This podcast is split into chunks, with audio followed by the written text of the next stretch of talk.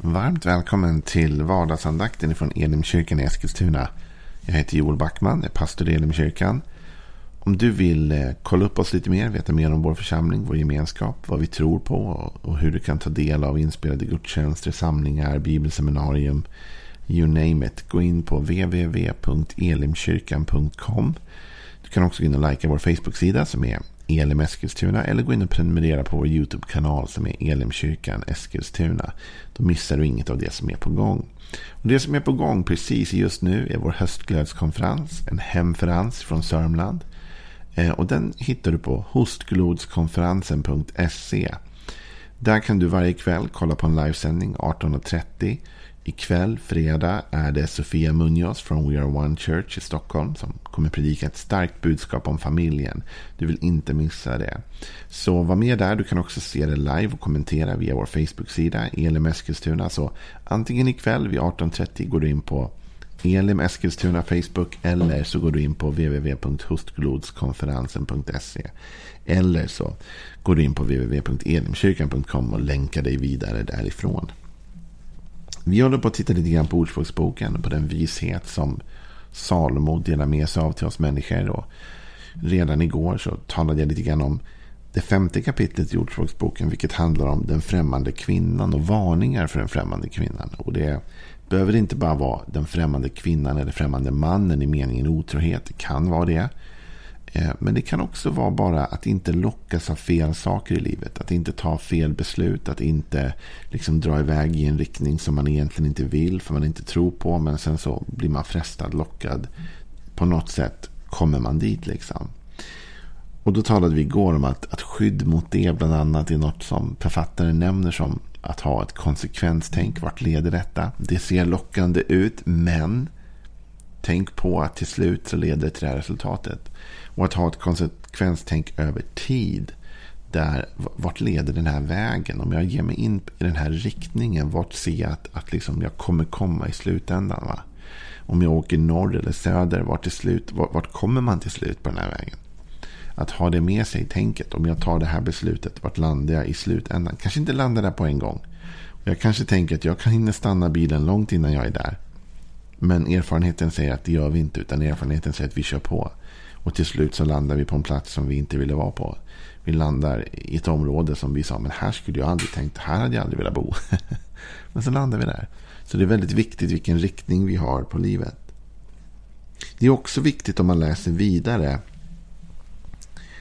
En annan punkt, och det är, vi kommer i femte kapitlet och nu ska vi läsa några verser ifrån vers 15. Drick ur din egen brunn friskt vatten ur din egen källa. Skall dina källflöden rinna ut på gatan och strömma ut över torget? Nej, de ska tillhöra dig ensam.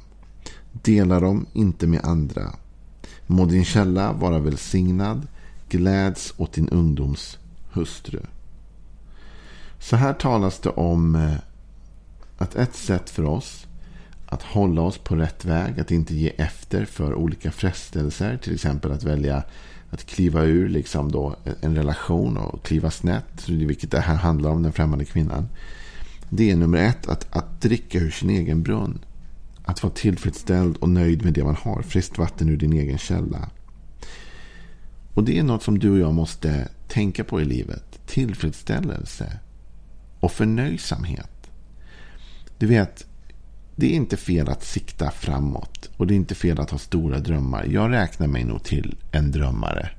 Jag räknar mig till en entreprenör. Jag räknar mig till en sån människa som alltid tänker nästa steg. Och som alltid vill mer. Och som aldrig på något sätt är helt hundra nöjd. Utan jag vill alltid liksom utveckling.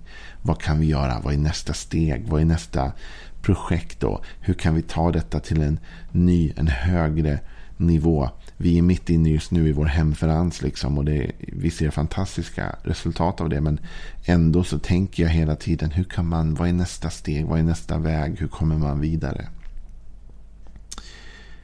Men det finns en fara med det.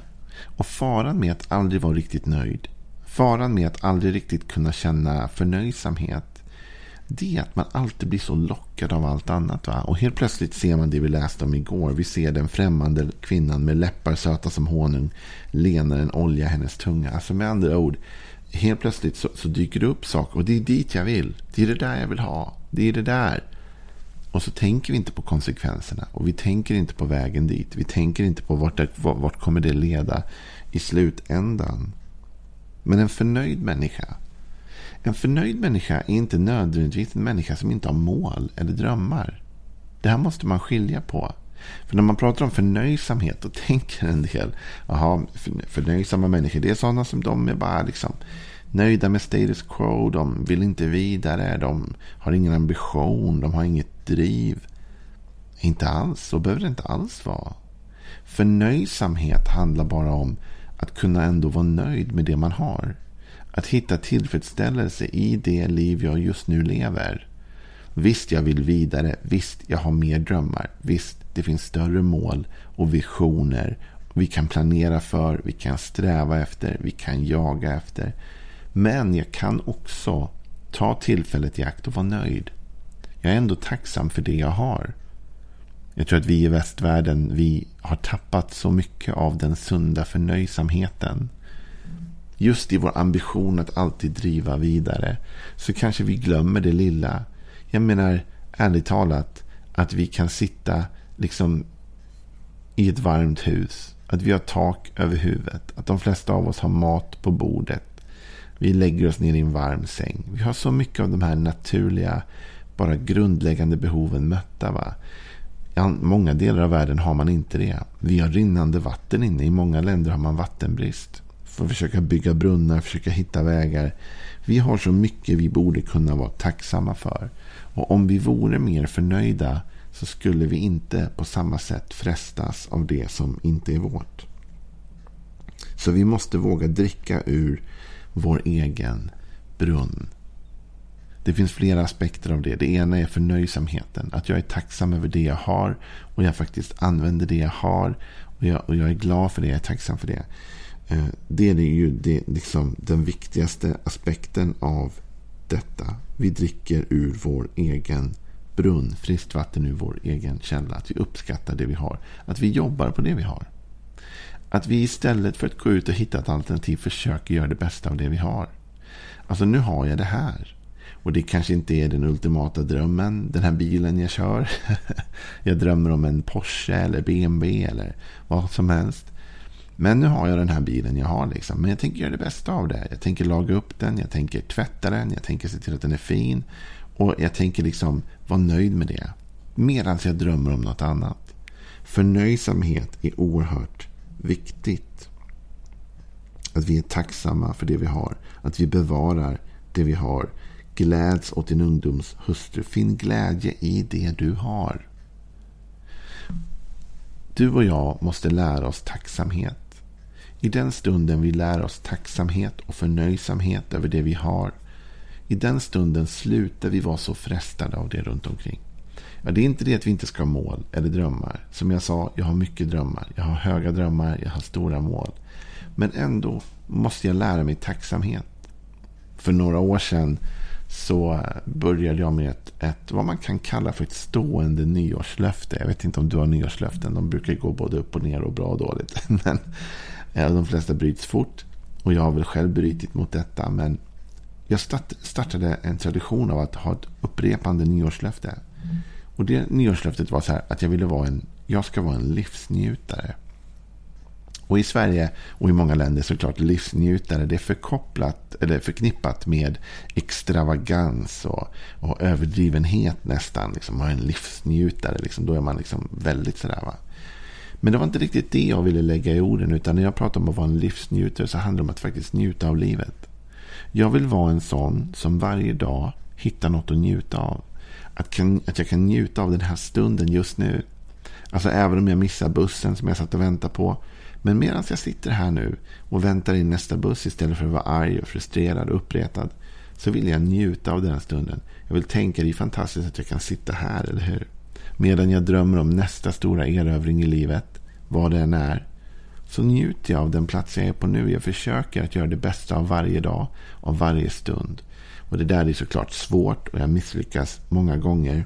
Men vet du, de gånger vi ändå har det tänket och vi försöker att verkligen vara livsnjutare, att dricka ur den källa vi just nu har. I de stunderna så skyddar vi oss själva mot frestelser. Vi njuter av det vi har. Och det är faktiskt så att den som är, den som, som är törstig fattar ibland dåliga beslut. Den som är mätt fattar inte de dåliga besluten. Och det jag menar är att om du har druckit ur din egen brunn och du är tillfredsställd med det, då är du inte törstig längre. Och är du inte törstig kommer du inte heller vara lika lättfrestad att dricka någonting annat. Så du och jag, när vi dricker ur det Gud har gett oss, ur den brunn vi har, ur det som Gud har satt i vårt liv, då skyddar vi oss mot frestelsen att dricka ur någon annans brunn eller att springa iväg åt ett annat håll och försöka tillfredsställa de här behoven i vårt liv på fel sätt. Så vi måste se till att vi dricker ur det Gud har gett oss. Jesus han tar upp detta på ett ganska eh, fantastiskt sätt faktiskt. Han säger i Johannes 4, du vet när han talar med kvinnan vid brunnen, den samariska kvinnan. Så säger Jesus i, i Johannes 4 och 14. Men den som dricker av det vatten jag ger honom blir aldrig mer törstig. Det vatten jag ger blir en källa i honom med ett flöde som ger evigt liv. Så Jesus talar om att när vi dricker av hans vatten så får vi en källa inom oss själva. Och det är den källan vi ska dricka ur. Det är det Gud har satt i vårt liv som vi ska dricka ur för att släcka vår törst. Vi ska inte dricka ur det världen ger. Vi ska inte dricka ur det som lockar på andra sidan gatan eller i en annan stad eller någon annanstans. Vi ska dricka ur det Gud har satt i vårt eget liv. Och du och jag, vi måste lära oss den förnöjsamheten. Jag vet att du kanske inte är på en plats i ditt liv där du vill vara. Du kanske drömmer om ett nytt jobb. Du kanske drömmer om en ny stad att bo i. Du kanske drömmer om nya möjligheter. Du drömmer om mer kreativitet. Du drömmer om olika saker. Och du är inte där du vill vara. Men jag skulle vilja säga till dig idag. Stanna upp och njut av det du har. Stanna upp och titta över ditt liv och fundera kring vad finns det i min vardag, i mitt liv som jag faktiskt kan vara tacksam för. Och, och hitta det och var tacksam för det. Om du gör det, då kommer du skydda dig själv mot onödiga frestelser. Du kommer skydda dig själv mot farliga fallgropar. Om du dricker ur din egen brunn och du är förnöjsam med det Gud har gett dig, den källa han har placerat i ditt eget liv. Men om du inte gör det, om du inte tar vara på det du har, om du inte dricker ur din egen källa, så kommer du att bli törstig. Och när du blir törstig, då kommer du vara mycket mer, eh, ett mycket mer enkelt offer så att säga för den som vill fresta dig med någonting. Du kommer vara mycket mer lättfrestad. Du kommer vara mycket mer benägen att liksom kasta dig över något du inte borde. Att välja en väg i livet du inte borde. Därför att du ser det där som du tror släcker din törst. Men Gud har redan lagt något i ditt liv att släcka din törst. Och det är det vi måste dricka ur. Så egentligen, vad är det jag vill ha sagt med den här vardagsandakten inför helgen så här på fredagen innan vi går in i en helg? Vad är det jag vill ge till dig? Jag vill säga detta. Jag tror att det är viktigt att du och jag lär oss uppskatta det Gud har gett till oss. Att vi kan känna tacksamhet över det vi har. Även om vi längtar efter mer eller drömmer efter större. Om du och jag lär oss tacksamhet. Då kommer vi och förnöjsamhet. Då kommer vi inte alls göra samma dumma beslut som om vi ignorerar det vi har. Vi inte dricker ur vår egen källa. Vi blir törstiga och vi fattar dåliga, dumma beslut. Nej, låt oss dricka ur vår egen källa. Drick vatten ur din egen brunn. Friskt vatten ur din egen källa. Det är det som du och jag har fått som uppgift av Gud. Och Jesus sa, jag avslutar med dessa ord igen till kvinnan, till dig som tänker så här. Jag har inget i mitt liv som tillfredsställer mig. Det finns ingenting i mitt liv som ger mig ro, som släcker min törst. Då vill jag att du lyssnar till det Jesus säger igen här. För det är ett erbjudande från honom. Han säger, men den som dricker av det vatten jag ger honom blir aldrig mer törstig. Det vatten jag ger blir en källa i honom med ett flöde som ger evigt liv.